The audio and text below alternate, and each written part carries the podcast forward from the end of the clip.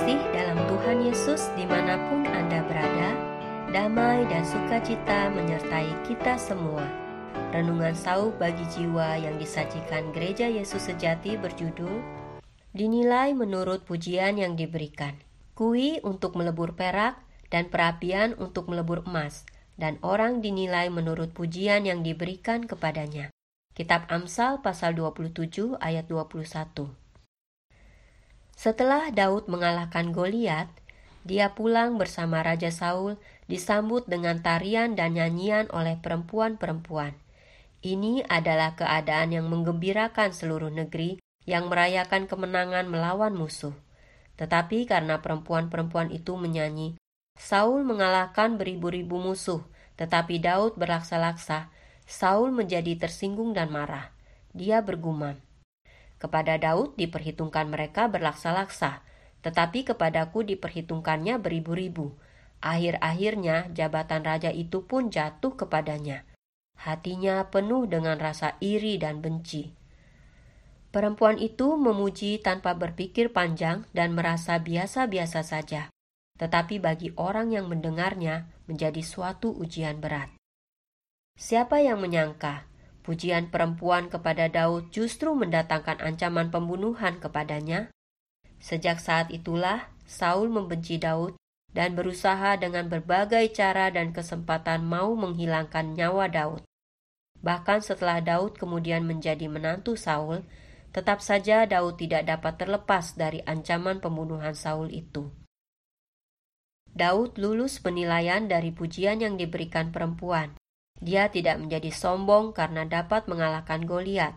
Sekalipun Daud waktu itu sudah tahu Allah mengurapi dia menjadi raja, tetapi dia menyikapi pertempuran gagah perkasa itu dengan sikap bersahaya. Dia tidak memanfaatkan kejadian itu untuk mempercepat dirinya menjadi raja. Saul sebaliknya justru gagal dalam penilaian. Sewaktu dia mendengar pujian perempuan pada Daud yang menempatkan dia di bawah Daud, dia bukan saja tidak terima, bahkan timbul niat jahat hendak membunuh Daud. Sejak itu, dia memakai kuasa sebagai raja terus-menerus mengejar Daud. Hal ini berlangsung sampai akhir hayatnya.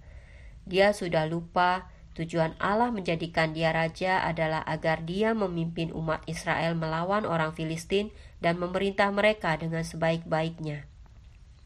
Hari ini kita juga sama seperti Saul dan Daud akan sering menghadapi situasi dinilai menurut pujian yang diberikan.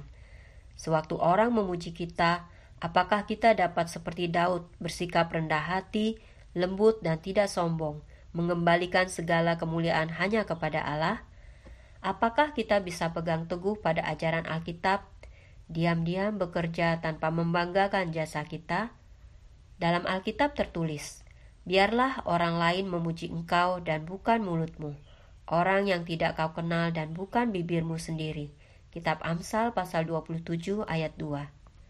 Sewaktu kita mendengar ada orang memuji orang lain, apakah kita bersikap seperti Saul yang menjadi iri dan timbul niat jahat karena tidak dapat menerima pujian kepada orang lain itu?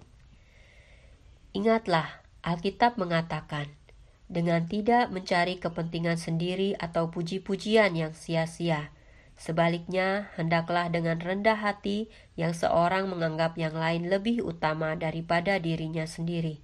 Kitab Filipi pasal 2 ayat 3. Hai anak-anak Allah, orang dinilai menurut pujian yang diberikan kepadanya. Janganlah kita jatuh oleh karena pujian orang.